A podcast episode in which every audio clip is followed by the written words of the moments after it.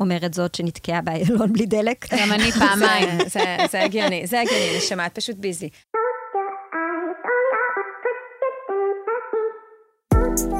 ברוכים הבאים לפאנורמל, פודקאסט על חדשנות וקריאיטיב לחברות ומותגים שרוצים להישאר עם היד על הדופק. נארח את האייליסטרים, האנשים בתפקידים הכי מעניינים שידברו איתנו על מגמות והמהלכים שמזיזים את העולם, כל אחד בתחומו. מנחות הפודקאסט מורן רוזנבאום, אשת קריאיטיב ואסטרטגיית מותג, ונטלי זוהר, חוקרת מגמות וחדשנות, מרצות לחברות וארגונים בנושא חדשנות וקריאיטיב. עוד פרק לא נורמלי, מתחיל עכשיו.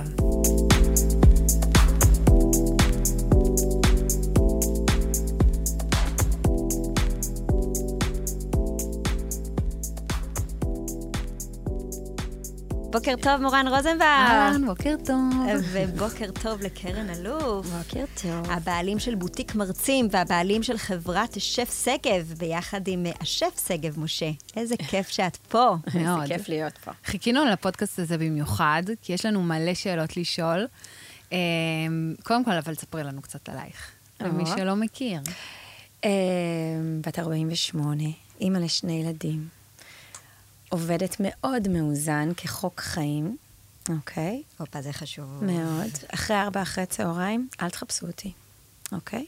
יש לך את ההודעה הזאת שכתובה בטלפון, לא, שאוטומטית? ניסיתי אותה כי זה לא עובד, אני פשוט לא עונה. באופן כללי אני לא עונה, אבל, אה, אבל כן, אני מאוד מאוד מקפידה. גם המשרד, המשרד עובד משמונה בבוקר, ואלא אם כן יש דרמות גדולות, אנחנו לא מדברות אחרי צהריים. כאילו זה לא, זה לא מעניין, לא רוצות. ואני מאמינה בזה.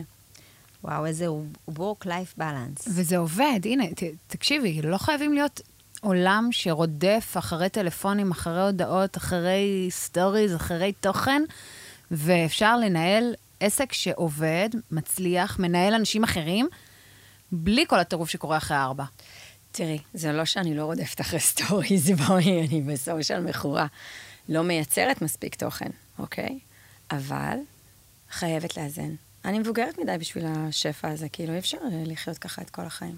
זה לא שפע, זה עומס. אני קוראת לזה שפע במה שנקרא, בעדינות, אני מפרגנת לעומס הזה. אני לא אגיד, אה, רציתי להגיד מילים אחרות, זה אבל אנחנו לא... אוטוסטרדה. אי אפשר להכיל את זה. המוח האנושי לא בנוי להכיל את זה. אין סיבה להכיל את זה.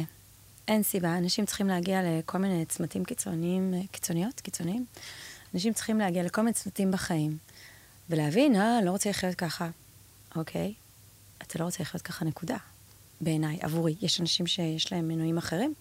אני מאוד מאמינה באיזון, בשילוב של אה, גם חיי לילה סוערים, וחיים חברתיים, וילדים. אה, המשרדים שלי הם בחצר של הבית שלי, אני אוכלת עם הילדים שלי צהריים כשאני יכולה, כאילו כשהם מגיעים. מדהים. אבל בואו נלך קצת אחורה. בואי יאללה. תספרי לנו באמת איך הגעת אה, להיות אה, הבעלים של אה, חברת הבוטיק המרצים הכי גדול או הכי מוביל בארץ היום. אני מניחה שלא כל השנים האלה היית אה, ב-work-life balance כזה. אני מניחה שבשביל לבנות את האימפריה שבנית, אה, זה התחיל מהרבה עבודה קשה והרבה לילות לבנים, אבל ספרי לנו איך, איך בכלל נולד המותג הזה. אה, פתחתי את החברה לפני 22 שנה, בסדר? הרעיון היה בכלל לעסוק בתוכן שיווקי. זה, זה, זה מה שהחברה עשתה. כל מה שקשור לחסויות וספונסרים, מטיף וטף, ג'אז בים האדום, כל תוכנית פריים טיים, רשת, קשת, עשר, אה, דידי הררי ברדיו. שנים זה מה שהמשרד עשה. לא אהבתי את זה, בשום צורה שהיא. התחלתי מאוד מוקדם, גיל 26, היה נראה שזה הכל מתפוצץ, כי תוך שנייה באו כולם כזה, זה היה שיא ההייפ של, עוד לא היו רגולטורים בתחום. מהר מאוד לקחתי את הקומה ה-13 בבית הראל, מעל גיתם שם, הרגשתי את עצמי בגיל מלכת 27. העולם. מה זה מלכה? היו לי מלא עובדות וזה, ולכולם שכרתי חניות, וכל אורח שהגיע, היו שתי מזכירות. וכל הזמן הרואה חשבון שלי, ועכשיו סבלתי, כן? סבלתי תוך כדי שם, ממש הייתי דוג, בסדר? עבדתי 24/7, זה זה. וכל הזמן הרואה חשבון שלי אמר לי, את מפסידה כסף על התפעול שלך. אמרתי לו, אתה לא מבין, אני מתפוצצת פה. אני עושה מלא כסף, אתה לא רואה איזה לקוחות מגיעים, אנחנו הולכים, אין, אין, תראה את זה. כל שבוע מתקשר, אמר לי, מאמי, את מפסידה כסף. אתה לא מבין, אתה לא מבין, אתה לא מבין. והתחפרתי. ערב אחד, עכשיו, לא ידעתי לקרוא דוחות כספיים, אתה לא יודע לקרוא, אתה, אתה לא נולד בטח לזה. שלא בגיל 26. אתה לא, אתה לא יודע לקרוא, זה נראה לך כאילו יש מלא טרנזקציות, זה נראה, וכולם רוצים לבוא אליך לפגישות וזה, אתה מרגיש כוכב. וערב אחד אני באה לשלם משכורות, כמובן על הרגע האחרון של התשיעי לחודש בלילה. רוצה לשלם משכורות? אין בבנק כסף להעביר משכורות. עכשיו שעה 11 בלילה, אין לי כסף. זאת עבירה על החוק לא לשלם משכורת בעשירי לחודש. מתקשרת לאבא שלי, אני אומרת לו, אבא, אני יכולה לפגוש אותך עכשיו, רגע, אני חייבת לדבר איתך על משהו. בת כמה את באותו זמן? 27. אה, ובאמת, אה, מה שנקרא, הרואה חשבון שלי, מה זה צדק? זהו, ואז אתה מתחיל להתקפל. אתה מתחיל להתקפל מאוד מאוד מהר. גייסתי את כל המשפחה שלי, אמא שלי, אבא שלי, מכרתי את הדירה שהייתה לי, כאילו, Yeah. הכל. אתה משחרר עובדים, אתה לא... זה... אבל זה לא... זאת אומרת, זה עדיין לא פתר לי את הבעיות, והמשכתי להתחפר. אה, וקרו כל מיני דברים, כמו מפיק של סדרת ענק לערוץ 2, ששילמתי לו את כל הכסף של החסויות, וברח עם הכסף לפני, הוא, הוא פשט רגל וברח עם הכסף לפני שזה. עכשיו, אתה יואו. פתאום מוצא את עצמך עם מיליון שקל, ששילמת למישהו אחר, אתה חתום מול החוזים מול הספונסרים, ואין. עכשיו, זה כאילו... מה, זה אני- תמימות של גיל 27? ממש לא, מפיק אחד מהגדולים בארץ. היה אז אולי הכי גדול. Uh, ואתה מוצא את עצמך פתאום uh, הולך לספונסרים מאוד גדולים ואומר להם, אני מצטער, שילמתם לי כסף? כסף אצלי? שילמתי אותו למפיק, אין סדרה. עכשיו... בקיצור, זה הלך והעמיק, היה רצף כזה, ואני מאמינה מאוד, ואגב, שם התחיל אה, ארבע אחרי צהריים. אני מאמינה מאוד שכשאתה לא בכיוון הנכון, החיים מתקנים אותך. גם שנאתי את מה שעשיתי, גם עבדתי כמו דוג, ו... וכאילו היה את כל הכישרון והכל, הייתה תחושה גדולה מאוד של החמצה. אז עברתי למשרדים, עזבתי את הקומה 13, בבושת, בבושת פנים. שכרתי משרדים, אני חושבת שבגודל של הדבר הזה פה, איפה שהנערות העובדות בדרום דרום תל אביב, כאילו הייתי יורדת ואומרת, מה עם עוד קריירה? וזהו. ולקח אה, כמה שנים טובות לדייק את, ה... את האהבה. ואז אה, זנחתי את התוכן השיווקי ונשארתי עם ייצוג של טאלנטים שהצטרפו לאורך השנים, כאילו עם הדרך מכל מיני הפקות שעשינו, אז ביקשו מאיתנו, הבנה הייתה מסחרית וחוזית, ביקשו שנטפל להם לכל מיני הסכמים. יום אחד היה טלפון למשרד, אה, דנה, המזכירה שלי, ענתה, השארתי אותה צמוד אליי, והיא אמרה, תקשיבי, רוצים את שגב אה, להרצאה. שגב משה. אמרתי, אבל הוא לא יודע להרצות. שגב משה היה מיוצג שלך באותו כן, זמן? ש- שגב ואני גם שותפים 20 שנה בפעילות אחרת, אבל, אבל הוא היה מיוצג. אמרתי לה, הוא לא יודע להרצות, כאילו, אין הרצאה. אז היא אומרת, אבל הם ממש לוחצים, זה היה בנק הפועלים לדעתי או משהו כזה. אמרתי, טוב, בוא נדבר עם שגב. ואז ככה נבנתה ההרצאה הראשונה, אני לא בטוחה אם זה היה מוצלח. אה, פשוט שלחת אותו להרצות. עבדנו על זה קצת, אבל את יודעת, הוא היה סטאר, ו- ואני הייתי קלולס, וכאילו אמרנו, אוקיי. על ערב יין, בנו הרצאה. ממש ככה. אם הוא יודע לבשל, הוא גם יודע. נכון. ואז הטלפון השני על סנדרה שרצו הרצאה, סנדרה רינגלר, ו, וגם היא הלכה להרצאה, היא ממש רצתה, כאילו היא הייתה בהיסטריה. ואז התחילו להתקשר לבקש הרצאות. עכשיו, לא טיפלנו בזה בכלל, זה לא כאילו היה משהו שעשינו. אז התחילה לשאול אותי, דנה, אמרת לי, רגע, אבל מה עושים? מה אומרים לכל האנשים האלה? הם מתקשרים, כאילו... זה גם נראה לי סכומים קטנים, 5,000, 6,000 שקל, אנחנו מתעסקים בחסויות של 100-200 אלף שקל, כאילו, מה, למה מבזבז את הזמן על הדבר הזה? אז אמרתי, תראי, יש בטח עוד אנשים שמוכרים הרצאות בארץ. כנסי לאתרים שלהם, תראי מה הם עושים.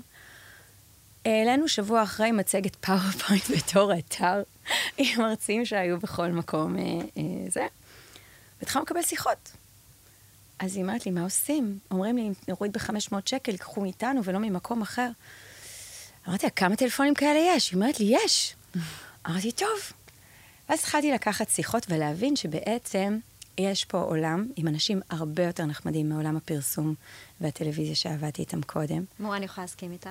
כן, אני אני מכירה טוב את עולם הפרסום.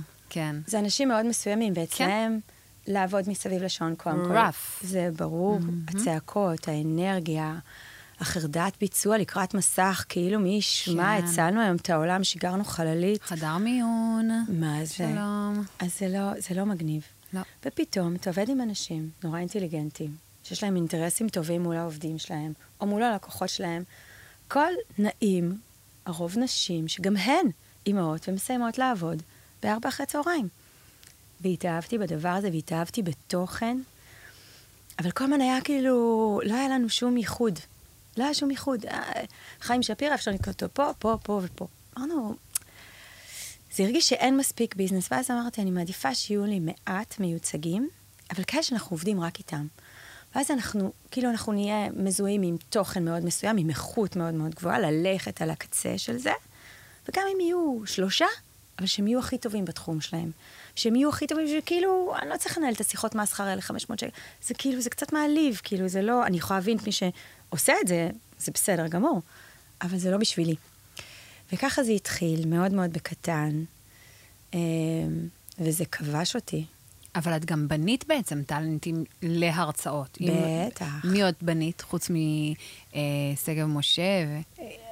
תשמעי, קשה להגיד על האנשים שאני עובדת איתם שבניתי אותם, כי מרביתם, יש להם אה, עשייה מאוד משמעותית אחרת. אבל היו כאלה שכמו סגב משה באו ואמרו, אני, אני בא לי לעשות הרצאה, את יודעת מה? וואלה, זה... זה... אני, אני, את רוני קובן היה החלום של החיים שלי, והייתה לו אה, כתבה שהוא עשה על הילד ה... אה, הילד שהוחזר, הילד הסודני אה, שהוחזר אה, עם האימא המאמצת לפני זה, ראיתי את הכתבה, ישבתי, איבבתי, ואמרתי, אני חייבת להשיג את רוני קובן. התקשרתי לכל מי שאני מכירה בעולם, אני חייבת את הטלפון של רוני קובן, לא הצלחתי להשיג. אני הייתי מאוד מקושרת, לא הצלחתי להשיג את הטלפון של קובן. איתי אנגל היה באיזה משהו, לא הצלחתי. ו... בערב אחד אני בבית, סתם עונה לטלפון, כאילו, לא, לא יודעת למה עניתי. מספר לא מזוהה. רוני קובן על הקו. לו, אני לא מאמינה, אני מעריצה אותך, אני חייבת לעשות איתך הרצאה, יש לך הרצאה? הוא אומר לי, אין לי הרצאה, אבל מבקשים ממני, ואמרו לי לדבר איתך. אהבה ממבט ראשון, אנחנו קוראים אחד לשני ברבור. Uh, עבדנו ביחד על התכנים, רוני הוא איש תוכן, כאילו אי אפשר לקחת את זה ממנו וזה, אבל הדרך שלנו ביחד היא כל הזמן של צמיחה ויצירת תכנים, uh, והוא אחד מהמרצים הכי מרתקים שיש. שמעתם אותו? יצא לכם לשמוע לא אותו? לא יצא לי לשמוע, אבל ראיתי המון תוכניות שהוא... אין אנשים שמבינים ככה תוכן, יודעים לקחת חדר. הוא נכנס, אתה אומר, אוקיי, לא ברור לי, אנרגיה. כן, וואו, כן, הוא משהו מיוחד, והוא גם יודע, באמת, הוא יודע לתשאל, הוא התחיל בכלל, הוא התחיל מעובדה, אם אני לא טועה, נכון? עוד לפני, כן, עוד לפני. גלי צה"ל וכאלה. כן, כן, כן, אבל הוא אחד המראיינים החזקים. שיש, והיום גם מרצה, אז בכלל. הוא, הוא כבר הרבה שנים מרצה, אנחנו ביחד, אני חושבת, משהו כמו עשר שנים. וואו, לא ידעתי שהוא כן, כל כך הרבה כן, שנים מרצה. כן. אז הוא בעצם בא אלייך בלי הרצאה, והיו עוד כאלה שבעצם צמחו אה, דרך הסוכנות, בטח. שמתחילה כמאוד בוטיקית, מאוד מצומצמת. נכון. ו... ואת צומחת איתם. ביחד. אני צומחת איתם כל הזמן, וזה המפתח, כאילו, יש לנו, רוב האנשים שאיתנו הם המון המון שנים, כאילו, מהרגע שהתחלנו לעסוק בזה, נועה מנלה, שאת מכירה. Mm. מכירות, מכירות ביחד. מכירות ביחד. האיש והאגדה. האיש והאגדה. אני חושבת שהוא היה המרצה הראשון שעבדתי איתו ממש, כאילו, כפרופשן. 12 שנים ביחד, אולי יותר. וואו. אולי יותר, מ-2008. יש זוגות שנשואים הרבה זמן פחות. כן, אני הייתי נשואה פחות מהיחסים שלי איתו. אבל, אבל מה שמעניין אותי להבין, הרי בסופו של דבר זה לא... אתה לא מוכר מוצר, אתה מוכר בן אדם. אתה צריך לבנות לו איזושהי תדמית מסוימת, כי בסופו של דבר... אנשים רוצים מרצה מסוים כי יש לו איזה תדמית, יש לו איזה עילה.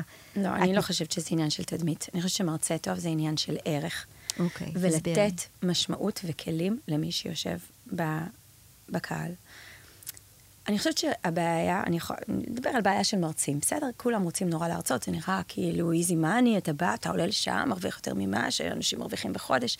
זה בולשיט, להיות מרצה זה הדבר הכי קשה שיש. להיות מרצה מעולה זה הדבר הכי קשה. אנשים עולים על במה, מתים על הסיפור שיש להם עם עצמם, או על התובנות שהם חושבים שהן מעניינות את העולם, ומדברים. ובסוף, זה לא מה שאנשים צריכים לשמוע. אתה, אם אתה רוצה להיות מרצה טוב, קודם כל זה חייב להיות מאוד מאוד אותנטי, מאוד אותנטי, ואתה פה לא בשביל עצמך, אתה פה בשביל הקהל שאתה מדבר אליו. אתה צריך להיות מאוהב בקהל יותר ממה שאתה מאוהב בעצמך ובסיפור שלך, בסדר? ואם אתה בא לתת ערך, לא בגלל שאתה סופג ערך, כי אתה עכשיו כל יכול על במה, זה המשמעות. ולא צריך לבנות לזה תדמית. תדמית, שוב אני אומרת, דיברנו על זה קודם, על לאסוף אותם אחד-אחד. אם אתה מביא משמעות, עכשיו, מה זה משמעות? אי אפשר לשנות דעות של אנשים בשעה של הרצאה, זה לא קורה. אבל אם אתה משנה להם טיפה, מרחיב להם טיפה את זווית הראייה, ניצחת את זה. עכשיו, יש מין אשליה שהמרצים הכי מוכרים הם המרצים הכי עובדים במדינה, זה ממש לא נכון. רוב המרצים הכי עובדים במדינה, שעובדים ברמה היומית, האמיתית, בארגונים, עם תקציבים מאוד גדולים, זה מרשים, מרצים שהם no name. הם לא סלבים בשום צורה. אולי בגלל שהם מבינים, האגו שלהם אולי קצת פחות משחק תפקיד, והם מבינים שהם באים באמת לענות על הצורך של האנשים. את חושבת שזה עניין של אגו? לא, אני לא חושבת שזה עניין של אגו. אני לא יודעת לעבוד עם אנשים עם אגו. אני יודעת שיש הרבה אנשים מוכרים שאנחנו עובדים איתם. אה, מי שיש לו אגו, מה שנקרא כדרך חיים, אנחנו לא מסוגלים להחזיק במערכת היחסים.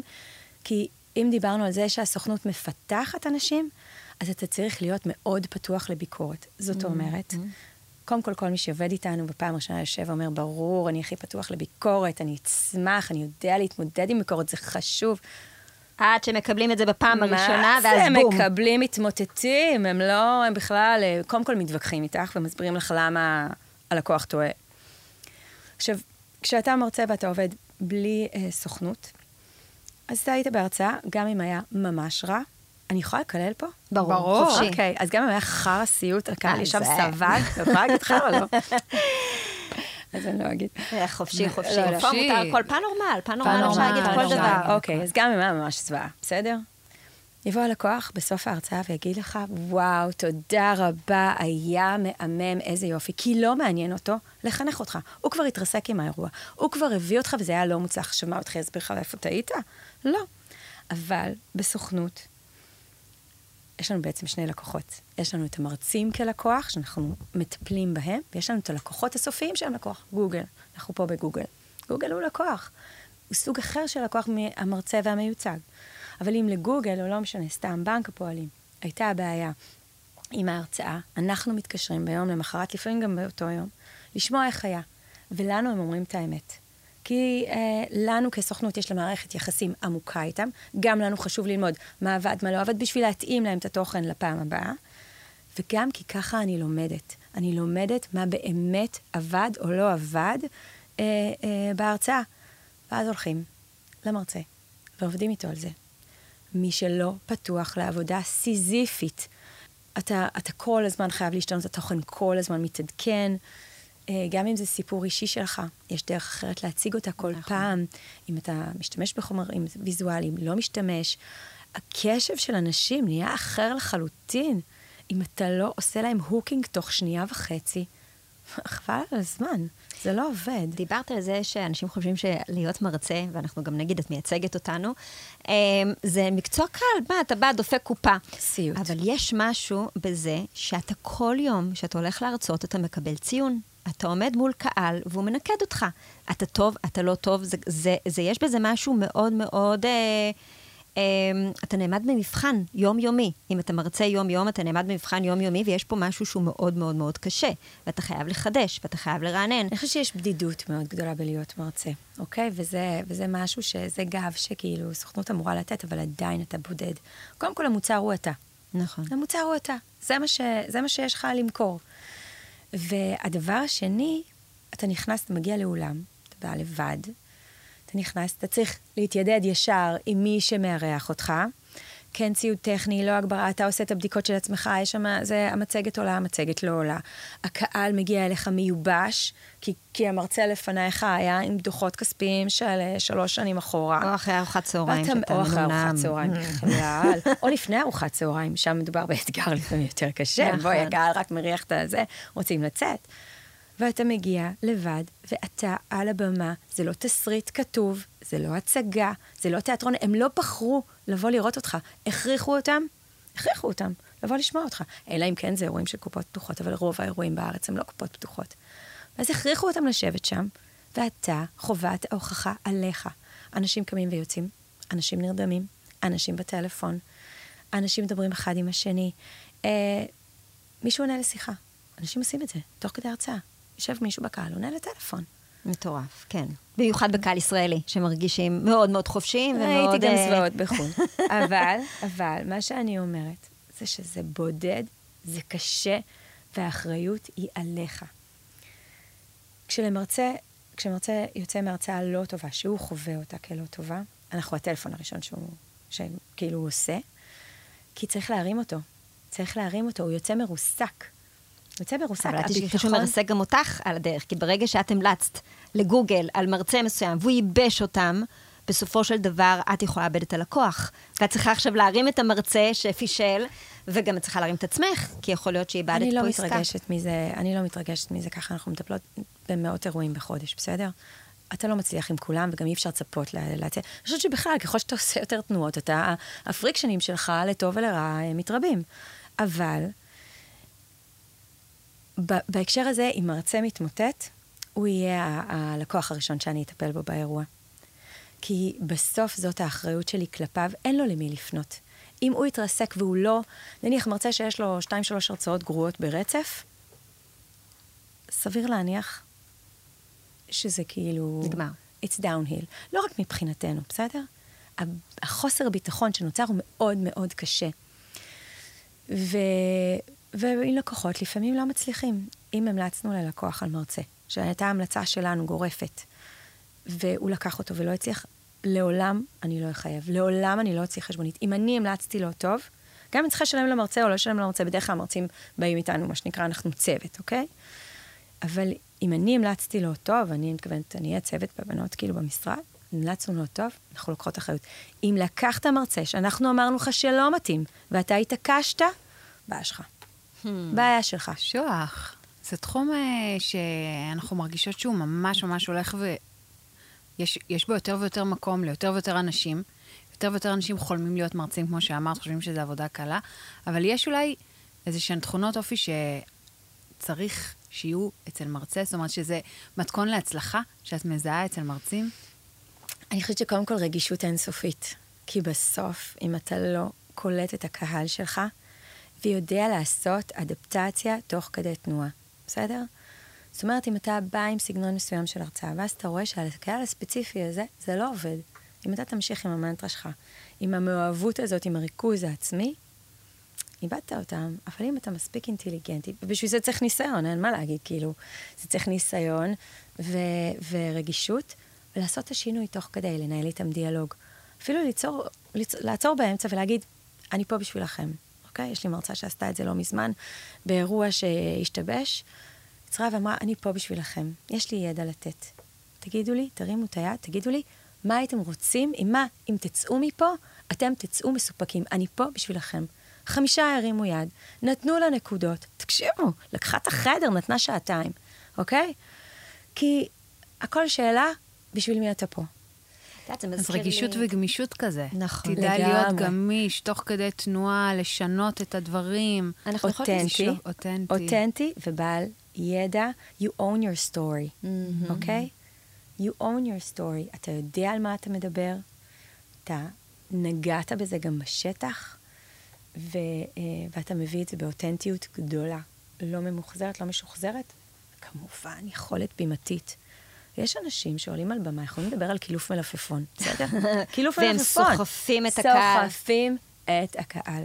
יש, יש כאלה. עשו הרצאה כזאת פעם, ראיתם בטד? על אה, מרצה שלא אומר כלום ושום דבר, והוא רק, ההרצאה היא על זה שהוא לא אומר כלום ושום דבר. הוא זורק כאילו שמות של חפצים או כל מיני כאלה. אדיר. ואתה לא יכול להפסיק לצפות בו, 12 דקות. מה היית ממליצה, נגיד, אה, למישהו שרוצה ללכת, אה, להפוך את העניין הזה למקצוע, להיות מרצה מקצועי? לא יודעת מה יהיה, יכול להיות טיפ של ללכת לשיעורי אימפרו, לא יודעת, משהו שייתן לו את, ה, את ההתנסות הזאת בצורה שהיא מדהימה, אבל לפני שהוא עולה על במה עם הרצאה. לפני שהוא עולה על במה עם הרצאה. קודם כל יש שתי במות. יש במה מול סטודנטים וחוגי בית, ויש במה מסחרית גדולה. במה של סטודנטים, מי שמצליח מול סטודנטים, בדרך כלל זה לא רלוונטי, בש... אין שום, אה, אה, מה שנקרא, קורלציה בין היכולת אה, הרצאות שלו בחברות ובשוק בחוץ. שום קורלציה, בסדר? בדרך כלל זה אפילו עובד לרעה. שמי שמצליח עם סטודנטים פחות יצליח מול ארגונים? נכון. כי? כי סטודנט חייב להיות שם, הוא חייב להצליח, הוא תלוי בציון שלו, הוא עוד לא התנסה מספיק, הוא לא שמע מספיק הרצאות. כשאתה מגיע לוויקס, אוקיי? שעובדת כל היום בלהשאיר את העובדים שלה, ואתה מגיע עם משהו שהוא לא cutting edge, אתה משעמם אותם, זה לא מעניין אותם. לכן, זה לא, זה לא רלוונטי. אבל איך להתחיל? שוב אני חוזרת לפסיכולוגיה, כי בסוף זה זה, זה תהליך פסיכולוגי מול עצמך, זה בירור וזה בדיקה. אני חושבת שהדבר הראשון שאני עוברת עם אנשים שמגיעים אלינו להרצות ובחרנו להתקדם איתם לתהליך של בדיקה, שזה זה קשה לקחת את ההחלטה הזאת, אנחנו לא עושים את זה הרבה, זה קודם כל אני שולחת אותם לשיעורי בית אה, פסיכולוגיים.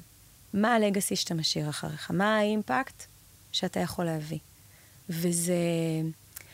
באמת של זה, כששואלים באמת השאלות, ואתה אחרי זה צריך לבוא לפגישה שנייה איתנו ולהגיד, זה מה שאני רוצה וזאת האמת שלי, אתה צריך להיות מספיק מסוגל להחזיק את זה.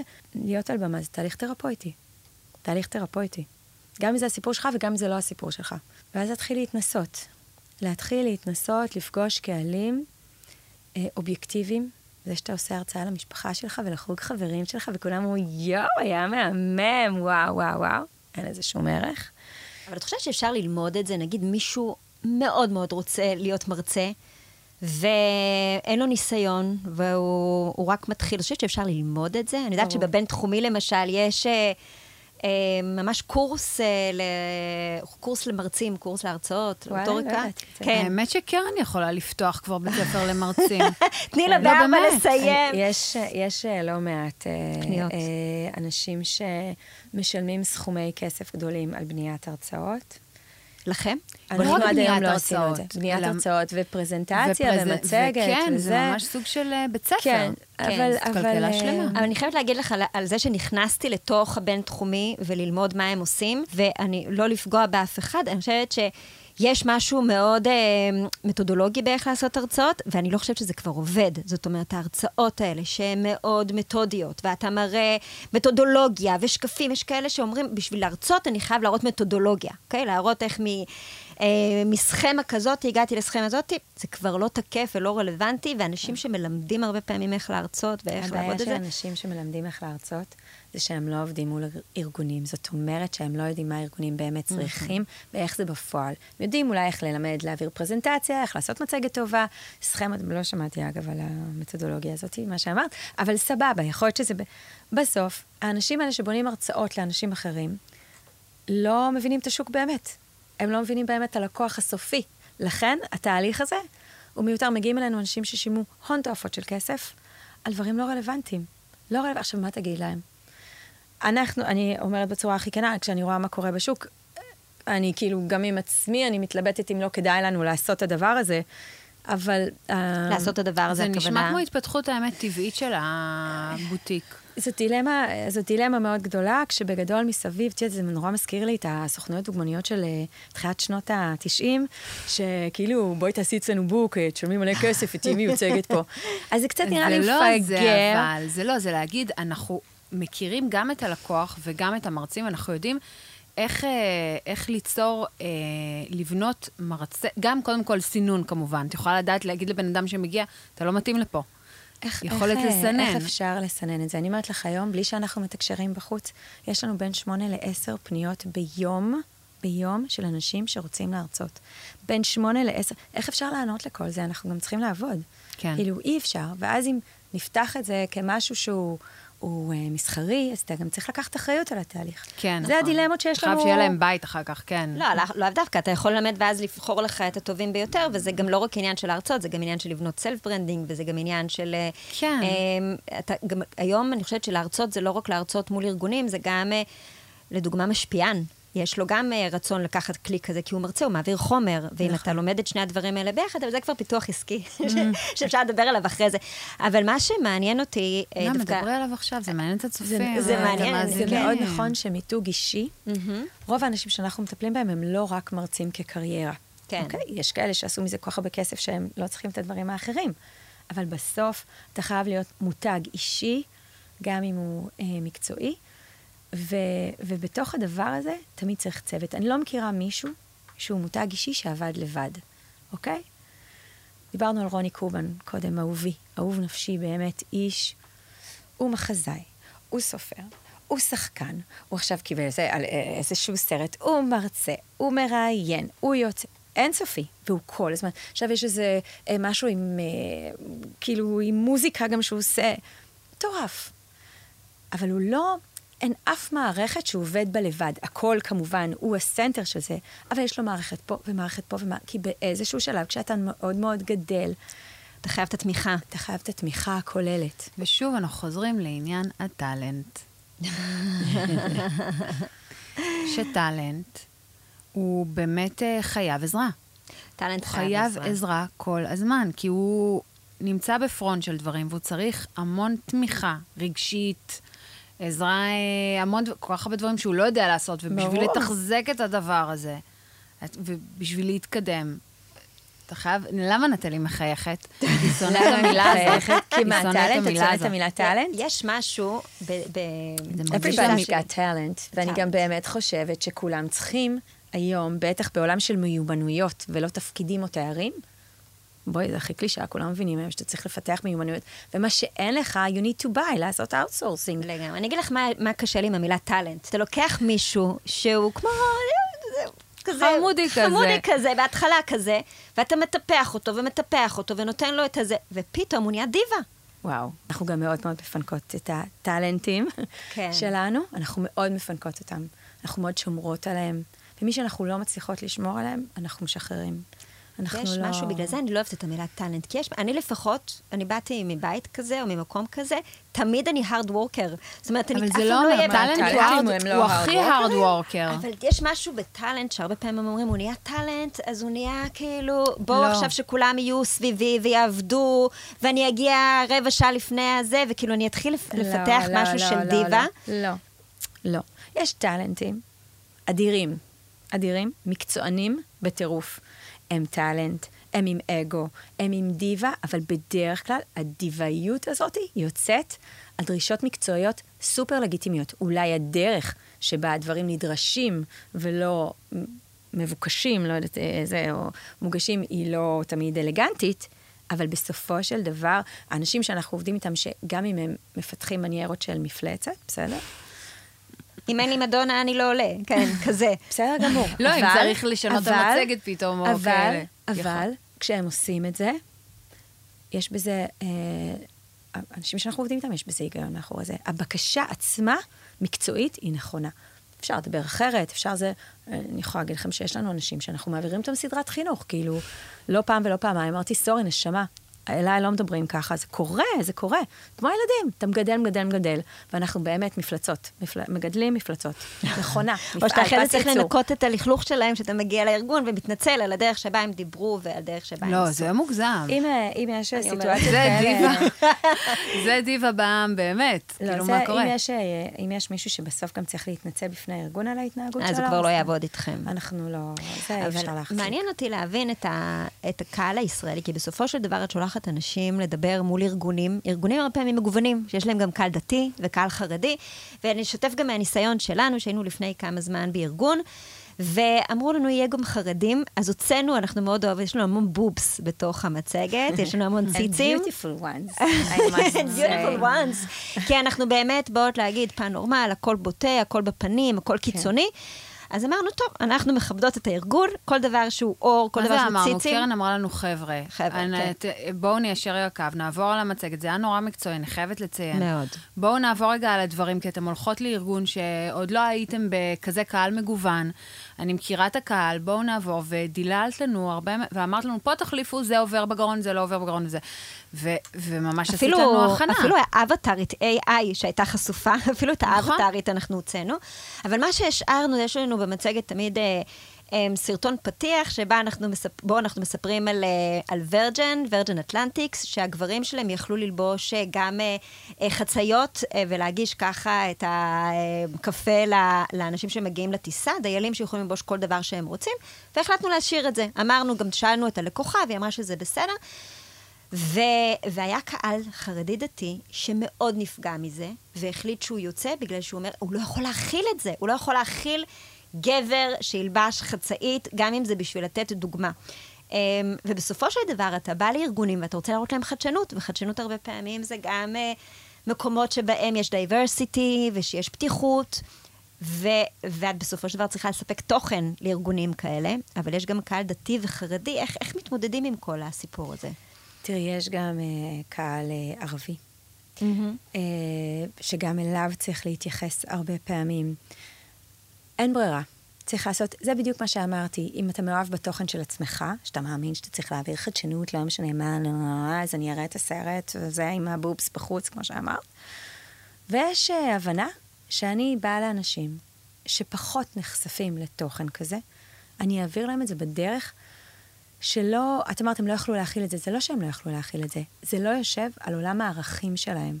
ובסוף, אם אתה לא אה, אה, יושב על עולם הערכים של הקהל שלך, אז אתה לא, אה, אתה לא מצליח אה, לתת אה, מענה. ולכן אתה לא מרצה מספיק טוב. למשל, יש כל מיני מרצים שמדברים על מזרח תיכון, בסדר? ואם יש קהל ערבי באולם, חלק, קהל מעורב. אם הם יצאו באמצע, המרצה נדפק. זאת אומרת, הוא לא מצליח להתרכז יותר. מאותו רגע נחתך לו חוט המחשבה והוא מאבד ביטחון, וזה גרוע. אז כן, אז צריך להתחשב, וכן צריך להביא. וזה מה שאמרתי, בשביל מי אתה פה? כן. בשביל מי אתה פה? אז uh, מרכיב מאוד חשוב בהרצאה שלך זה הקהל. יש בזה באמת הרבה דברים uh, מקבילים ליוצר, uh, לקריאייטור, שכל הזמן בעצם מקבל תגובות מהקהל על, ה, על הדברים שהוא יוצר, על התוכן שהוא יוצר, זאת אומרת, למשפיען רשת נקרא לזה, אוקיי, קריאייטור. בן אדם שיוצר תוכן בלייב כל הזמן, מקבל uh, פידבק מהקהל, והקהל זה אמנם קהל שבוחר לה, לעקוב אחריו, אבל הוא מגוון מאוד, והרבה פעמים מקבל ביקורת שהיא לא נעימה. נכון, גם אתה יכול אבל לקבל ביקורת, אה, כאילו, אם אתה נהיה כבר יותר מדי אה, על הגבול ויותר מדי רגיש, אז אתה יכול להיות גם מלואו כזה. אתה לא רוצה גם להפוך להיות יבש. זה מאוד מאתגר. מיומנות שנראה לי צריכים מאוד אה, לפתח, אבל מאוד מעניין אותי, ואני חושבת שגם דיברנו על זה כשרק הכרנו. העולם משתנה, ובעצם אנחנו רואים אה, עולמות AI ועולמות מטאוורס ועולמות וירטואליים, לא רק שכל ההרצאות כבר כאילו, בא לך, אה, כמה אפשר עוד לדבר על זה. וזאת רק ההתחלה. וזאת רק ההתחלה, אבל גם המדיות שבהם מעבירים כנסים ומעבירים אירועים משתנות. זאת אומרת, אתה כבר יכול, אה, עוד במשקפי אפל החדשים, זה בכלל הולך לשנות את עולם הכנסים והאירועים אה, ואירועי חברה. את נערכת לזה? את מבינה, את מתחילה להרגיש, להריח שמשהו הולך להשתנות בעולם שלך? תראי, אני מבינה שמשהו הולך להשתנות. כמו בכל עולם, אני לא חושבת שיש קטגוריה ש, אה, שבה משהו לא ישתנה, אוקיי? אין תחום אחד. אבל אה, אני עוד לא יודעת לאן זה הולך.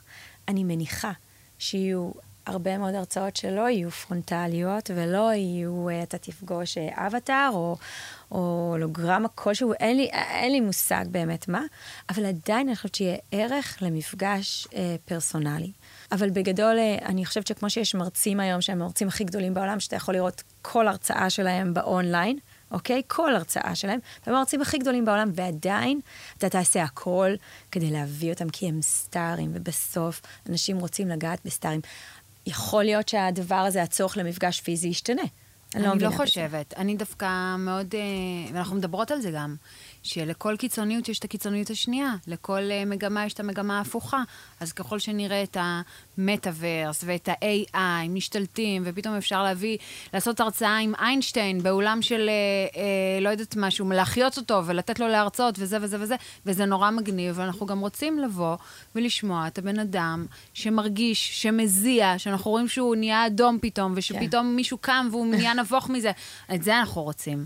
האנושיות, החדר הסגור, אולי אפילו בלי טלפונים באותו חדר, לשים את הטלפונים בצד, להפך. היום כשאתה מתקשר לסוכנות, הלקוחות לא יודעים מה הם רוצים, אוקיי? אומרים, יש לי אירוע, חדשנות, הקהל שלי הוא זה, מנהלי שיווק, שככה וככה, אגף זה, בעבר היה להם ככה וככה, אני מעולם הפיננסים, בסדר?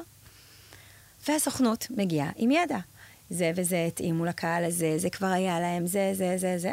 אתה מתאים תוכן. סוכנות טובה מתאימה תוכן אמיתי על סמך ניסיון. נכנסתי ל-ChatGPT, הכנסתי פרומפט, כתבתי, אני מנהלת שיווק אה, בגורם פיננסי כזה וכזה, אני עושה אירוע לקהל השיווקי שלי, בעבר הבאתי את המרצים האלו והאלו, ואני רוצה לתת להם את הערך ככה וככה כשהם יצאו. איזה הרצאות היית ממליץ לי להביא? אוקיי? קלה? יצאו שלוש תשובות. כמובן הפתיח המרשים, אם אני הייתי ככה וככה, זה... אוקיי. השם הראשון היה שם קיים, חי וקיים. השם לא קשור בשיט אה, לעולם תוכן. אה, והשם השני והשלישי, אין כאלה שמות. זאת אומרת, זה היה מיקסצ'ר של אה, אה, שמות אה, מכל מיני, אה, אה, זה אלון מנלה, סתם, לא משנה, נניח אם עשינו את מנלה הכוכב של ה- של זה, אז כאילו, שעטנז של שמות של מרצים שלא קיימים. אמרתי, אוקיי, זה בישראל. אמרתי, אני אנסה את זה באנגלית, על שוק אמריקאי, ששם יש מצב שיש יותר מקורות ידע פתוחים. גם שם אה, שם אחד היה אילון מאסק, התשובה, ושני השמות האחרים אה, non-existing, כאילו. אבל אני מניחה שזה ישתנה, אז אם אתם שואלים אותי קניבליזציה, מייתרת לא את חושב- עצמה, את הסוכנות. בסדר. לא.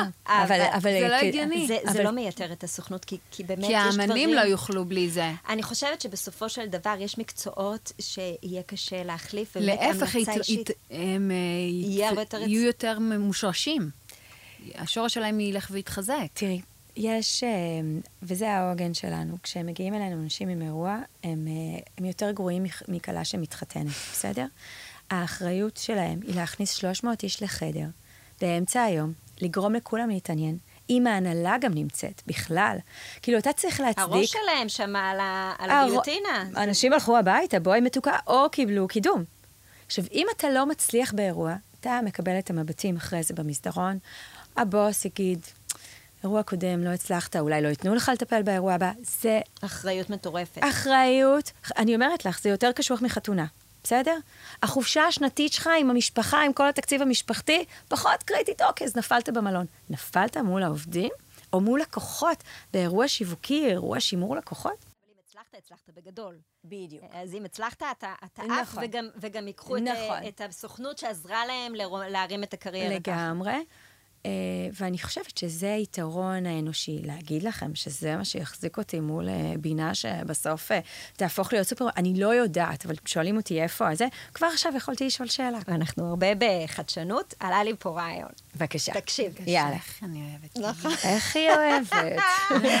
אוקיי, תארי לך, הרי לפני כמה זמן יצא פרק, פודקאסט, של סטיב ג'ובס, אה, שמראיין אותו... ג'ו רגן. ג'ו רגן מראיין את סטיב ג'ובס, אוקיי? לקחו את כל הרעיונות שהיה לסטיב ג'ובס, שמו אותם, את מכירה את זה בטח מההרצאות, לא שמו מכירה. את זה בתוך אה, צ'אט, ונתנו ליצור רעיון, ויצא רעיון מהמם, אנחנו אומרות את זה בהרצאה שלנו, ואנשים מתעלפים, שומעים את, אה, את אה, סטיב ג'ובס כאילו עושה צחוקים. אז תארי לך, את לוקחת, נגיד, לא יודעת מה, אה, ליאונרד כהן כזה, אוקיי? ליאונרד כהן, לוקחים את כל הרעיונות שלו, שמים אותם פה, בום, מוכרים את ליאונרד כהן להרצאה לבנק פועלים. אני שמחה שזה מרגש אותך, אני עושה. לעצמך קניבליזציה. לא, אבל כאילו, אני שמחה שזה מרגש אותך, אבל אני לא... אני צוחקת, ואני אומרת שזה, כאילו יכול להגיע. זה שואוז כאלה, זה ברור שזה יכול להגיע, יכולים להגיע הרבה מאוד דברים. אנחנו באמת לקראת סוף הראיון, וזה מרתק, כי כן. תמיד את נותנת את הבמה לאנשים אחרים, אבל יש לך המון המון המון אה, בך לתת, ואני, ואני הייתי שמחה, מקשיבים לנו הרבה אנשים שהם אה, קריאייטורים, יזמים, אנשי שיווק. מה העצות שלך אה, להם, למי שרוצה להתפתח למקום הזה, למי שרוצה ללכת לכיוון הזה? הרי את מקבלת כל כך הרבה טלפונים כל יום. מה, מה, מה יעזור להם להיכנס לתוך העולם הזה? של הרצאות. כן. אני חושבת ששונות, אוקיי? יש מלא סיפורים. כשאתה אתה עושה גוגל נניח על נושא מסוים, אתה רואה את כמות המרצים. לא להיכנס לפינות האלה של הסיפורים השחוקים, זה הדבר הראשון, וכן לחפש, גם אם נניח הסיפור שלך הוא שהחלמת ממחלה כלשהי, בסדר? יש הרבה שמספרים על החלמות. נהדר. אבל לקחת את הטוויסט, קודם כל לחקור. לחקור את זה, לראות על מה מדברים, לשמוע כמה שיותר מרצים, זה נורא נורא חשוב. ללכת לשמוע וללמוד מזה, מה עובד, מה לא עובד, איפה אתה מתחבר, איפה אתה לא מתחבר. וגם למצוא את הטוויסט שלך בתוך הסיפור הזה, בתוך הנישה שנניח החלמתי ממחלה מסוימת, איפה אני יכולה להביא את זה? יאנה דרום, אוקיי? מדהימה. כן, אני כן. חושבת שהיא המרצה הכי עובדת היום במדינה, בואו, נשמות. הכי עובדת במדינה. מאוד. החלימה מסרטן, אבל, וב, ובהתחלת הדרך עבדנו איתה, ההרצאה הייתה מאוד uh, גנרית, היא תמיד הייתה כיף, יאנה תמיד אנרגיה גבוהה. אבל זה לא, זה לא היה מספיק בשביל לבלוט, ואז בחודש המודעות לסרטן השד היא עבדה, וכל מיני כאלה, ויום האישה, אבל זה לא היה משהו שעובד on the go. ואז הלכנו וחקרנו, והיא גם עשתה המון עבודה, ומצאנו את הטוויסט שלה. את הטוויסט שלה שמדבר על uh, איך לגדל שמחת חיים. עכשיו, היא לקחה את זה ממקום, היום המחלה היא בכלל לא המיין של ההרצאה. שמחת חיים זה המיין. שמחת חיים זה אמן, וכולנו מדוכאים, בואי נשמה. זה כאילו, אנחנו רק בתחילת הדיכאון, כמו, כמו שמרגיש השוק. אה, אז אה, זה. כאילו, זה, זה אה, נחוץ כמו חמצן, אז היא מצאה את המקום הזה. אבל אתה צריך למצוא את הסיפור הייחודי. אתה מדבר על חדשנות? אתה צריך להביא את זה אחרת. למשל, אתן שתיכן, מלא על חדשנות. שילוב שלכם, לא, שוב, זה נשמע כאילו אני מרימה לכם, אבל אמרתי לכם את זה גם בהתחלה. הייחוד שלכם והסיבה שתוכלו לפרוץ אחרת, זה שאתן שתי גורג'סיות, עולות על הבמה, אין דבר כזה. נכון. באמת, לא, אתן גורג'ס. אבל, שוב, זה נשמע איתכם, אבל זה באמת, זה בידול לעומת אה, אה, מרצים אחרים, טובים יותר, טובים פחות, שמגישים את זה בצורה עדכנית ומגניבה, אבל לכם יש איזה יוניקנס. אז אני חושבת שהמפתח... זה לחפש את, ה, את את, השינו, השונות. את השוני. ואז השונות, ללכת. ולחפש את האמת של הערך שאתה יכול לתת, ולשאול אנשים שאתה לא מכיר, שאתה לא מכיר. זה סופר דרמטי. להחליט שאתה פותח בזום הרצאה, ומבקש מאנשים זרים לעלות ולשמוע אותך, ולתת לך פידבקים. עכשיו, כמה כאלה איזה עשינו? טיפ עשיתם? אבל מעולה, חבר'ה. עשיתם? לגמרי. איזה, איזה טיפ טוב. טיפ תקשיבו, מעולה. תפתחו זום חינמי, תגידו לאנשים, בואו להרצאה כי עליי, אני מבקש כי אני את רוצה דעתכם. אנשים מדהים. יבואו. אנשים אוהבים לתת את הדעה שלהם. לעזור, להיות חלק מתהליך, ותאמינו לי שאתם, שאתם תבנו קהילה נאמנה, שתלך איתכם דרך עוד יותר חזקה ממה שחשבתם, אם רק תבקשו עזרה. אז תעשו את זה זה. מאוד אותנטי. לבוא חלש היום זה סופר לגיטימי. לא מתמסכן. לא, מתמסכן. חלש. לבוא חלש, לא- חלש ל- במיומנויות אמיתי. הקיימות שלך כן. עכשיו, אתה רוצה לפתח אותם. אני חושבת שהעולם פתוח לזה, הרבה יותר מבעבר, הרבה יותר מאשר יואו, אני המרצה הכי מצליח. אני רואה פוסטים של מרצים שאני יודעת שהם לא עובדים, מעיפים על עצמם מחמאות. גם הפייקנס הזה, זה נראה לא טוב שיווקית, אם אתה מעיף על עצמך יותר מדי מחמאות, הנה הייתי פה, הנה הייתי פה, זה גם לא זה משכנע. מעייף את הקהל. זה לא רק מעייף, זה לא... אה, אנשים אה, יודעים, אנשים בשוק המקצועי יודעים לזהות את הפיקציה הזאת. זה, זה נורא, זה מייצר אנטי. כל החישה העצמית הזאתי מייצרת אנטי. טיפים מדהימים, גם אני שמרו על לקחתי. איזון גם. קרן, מעבר לזה ש-life work balance, שצריך לסיים בארבע, שזה מורן, אני, חיים שלי לימדה אותי. אני עדיין לא, עדיין לא תלמידה מספיק טובה, אבל אני מנסה. אה, מה הלאה בשבילך? מה אה, הלאה בשבילי? מה הלאה בשבילך? אז יש לך את הסוכנות מרצים הכי גדולה היום בארץ, ואת עובדת עם הלקוחות הכי גדולים. את זה, אני כזה... את עובדת עם הלקוחות הכי גדולים, והגעת ממקום של יודע מה זה דאון, יודע מה זה ליפול, ובאמת הצלחת להרים, ויש לך באמת, לא דיברת על זה, אבל יש לך באמת גם את העסקים עם, אה, עם השף שגב, נכון. ש, שהם עסקים שהם מאוד מאוד מצליחים, ואולי בכל זאת תגידי לנו כמה מילים על זה. אנחנו, יש לנו חברת מזון בסופרים, אה, שכבר קיימת אה, 10-12 שנים. יש לנו כלי בית, מוצרי חשמל, כאילו, יש לנו למעלה מ-200 מק"טים, אה, ב... אני יודעת, 2,000 נקודות מכירה, 3,000 נקודות מכירה. אנחנו מאוד נהנים מזה, זה מאוד מתאים כאילו לעשייה, זו הכנסה מניבה. אני מעוניינת לייצר לעצמי עוד הכנסות מניבות. אני כן חושבת שמעניין אותי להמשיך לפתח אנשים שיש להם תוכן מעניין להעביר, ומעניין אותי uh, לחנך אנשים על כסף.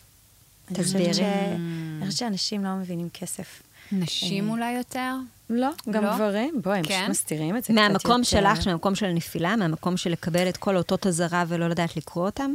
לא, אני חושבת שהחיים של הרבה אנשים יהיו הרבה יותר קלים אם הם יבינו כסף. אה, גם כדי להיות מצוין במשהו, צריך להבין מה אתה מוכן להשקיע, זה כלכלית, איפה זה השקעה שהיא לא לגיטימית, איפה זה כן לגיטימי. זה גם נורא מבלבל, כי לפעמים נראה לך שאתה נורא מצליח, בדיוק כמו שאמרת בהתחלה, ואתה אתה טועה. אתה, נכון. אתה מרגיש את התנועה, מרגיש את זה, אבל זה לא באמת, ונורא חשוב באמת לדעת איך אתה, במיוחד בעולם גם של קריאטורים ושל, אה, ושל לקוחות ושל תנועה, להבין מתי אתה באמת מרוויח ומתי אתה רק באשליה של הצלחה. אז אני חושבת שזה באמת משמעותי מאוד. אז אה, איך תעשי את זה? איך, איך, מה, מה, על מה חשבת? היום אני מרגישה שאני בעיקר מפיצה ידע של אחרים. אני לא טובה על במות, יש לי פחד קהל מטורף. אני כאילו על במה, נהיה לי שחור, אז אני לא שם. באמת, שחור לא אמיתי, אני לא זוכרת כלום, אני לא יודעת, אני לא יודעת מה קורה. אבל אני אמצא את הדרך, ובעיקר, בעיקר, ולא אמרתי את זה, אבל כאילו מעבר לארבע אחרי צהריים, I just want to have fun, כאילו, באמת, I'm too old not to have fun, ולחיות נורא נורא מהיר זה פחות מעניין אותי. מה התחלת ללמוד ברימון? לא ברימון, איפה התחלת? ב-BPM, מאמי, אני- מה זה? החלום שלי זה להיות די-ג'יי, נשמה. לא נכון. כן, מאמי. באמת? כן, אתמול כל הלילה עשיתי שיעורים, התחלתי להוריד בכסף כל מיני טרקים באיכות טובה לזה. בחרה שלי הגשה, אני לא מוכנה. די. זה החלום שלי, שתפגשו אותי מאחורי. העמדה. ואני החברות שלה, וגם אנחנו רוצות נזמין אותה... חברות שלה. וגם נזמין אותה לדג'ה. לדג'ה. לדג'ה. כן, איזה זה יהיה כיף. התמודדות יותר קלה עם הפחד קהל שלי. מדהים. איזה. כיף, יאללה. כן. מדהים. וואי, קרן, היה כל כך כיף. כן, ומעניין. היה כל תודה רבה. תודה. שבאת. תודה. רבה. ותודה על ההשראה, ותודה למורן רוזנבאום. תודה רבה, ותעקבו אחרי קרן ואחרי כל אה, מה שהיא מפרסמת, כי אולי בקרוב היא תתחיל באמת לממש את העניין הזה של אה, ללמד אותנו איך להתמודד עם כסף.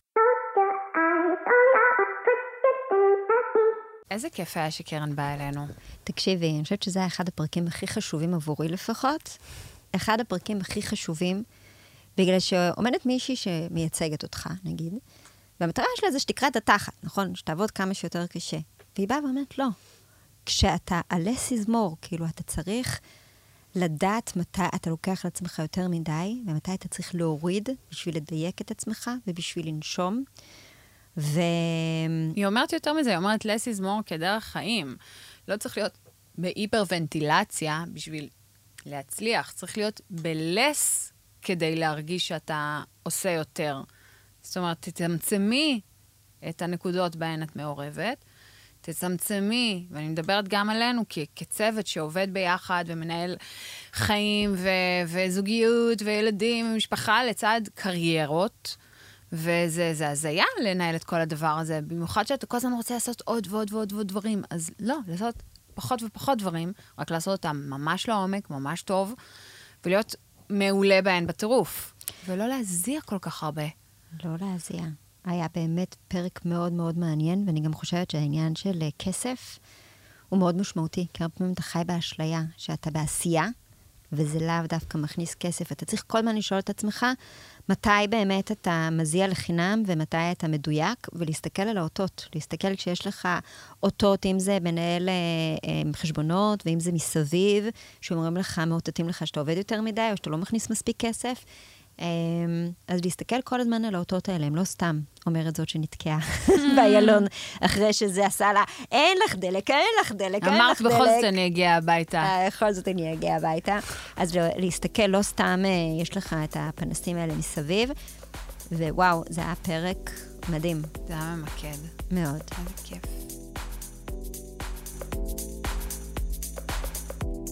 תודה רבה על ההאזנה לפאנורמל. כדי לא לפספס פרקים חדשים, תנו לנו פולו באפליקציית הפודקאסטים, וכמובן, דברו איתנו בעמוד האינסטגרם פאנורמל פודקאסט. יש לנו גם הרצאה על חדשנות וקריאיטיב לחברות וארגונים שרוצים להישאר עם היד על הדופק. הפרק הוקלט בגוגל for Startups קמפוס, הבית של גוגל לסטארט-אפים. הקמפוס נותן לסטארט-אפים הזדמנות לקבל גישה למוצרי גוגל, חיבורים לתעשייה וידע נוסף לתוכניות ואירועים לסטארט-אפים. ה-Creator Studio הוא אולפן וידאו ואודיו מקצועי שזמין לסטארט-אפים בחינם.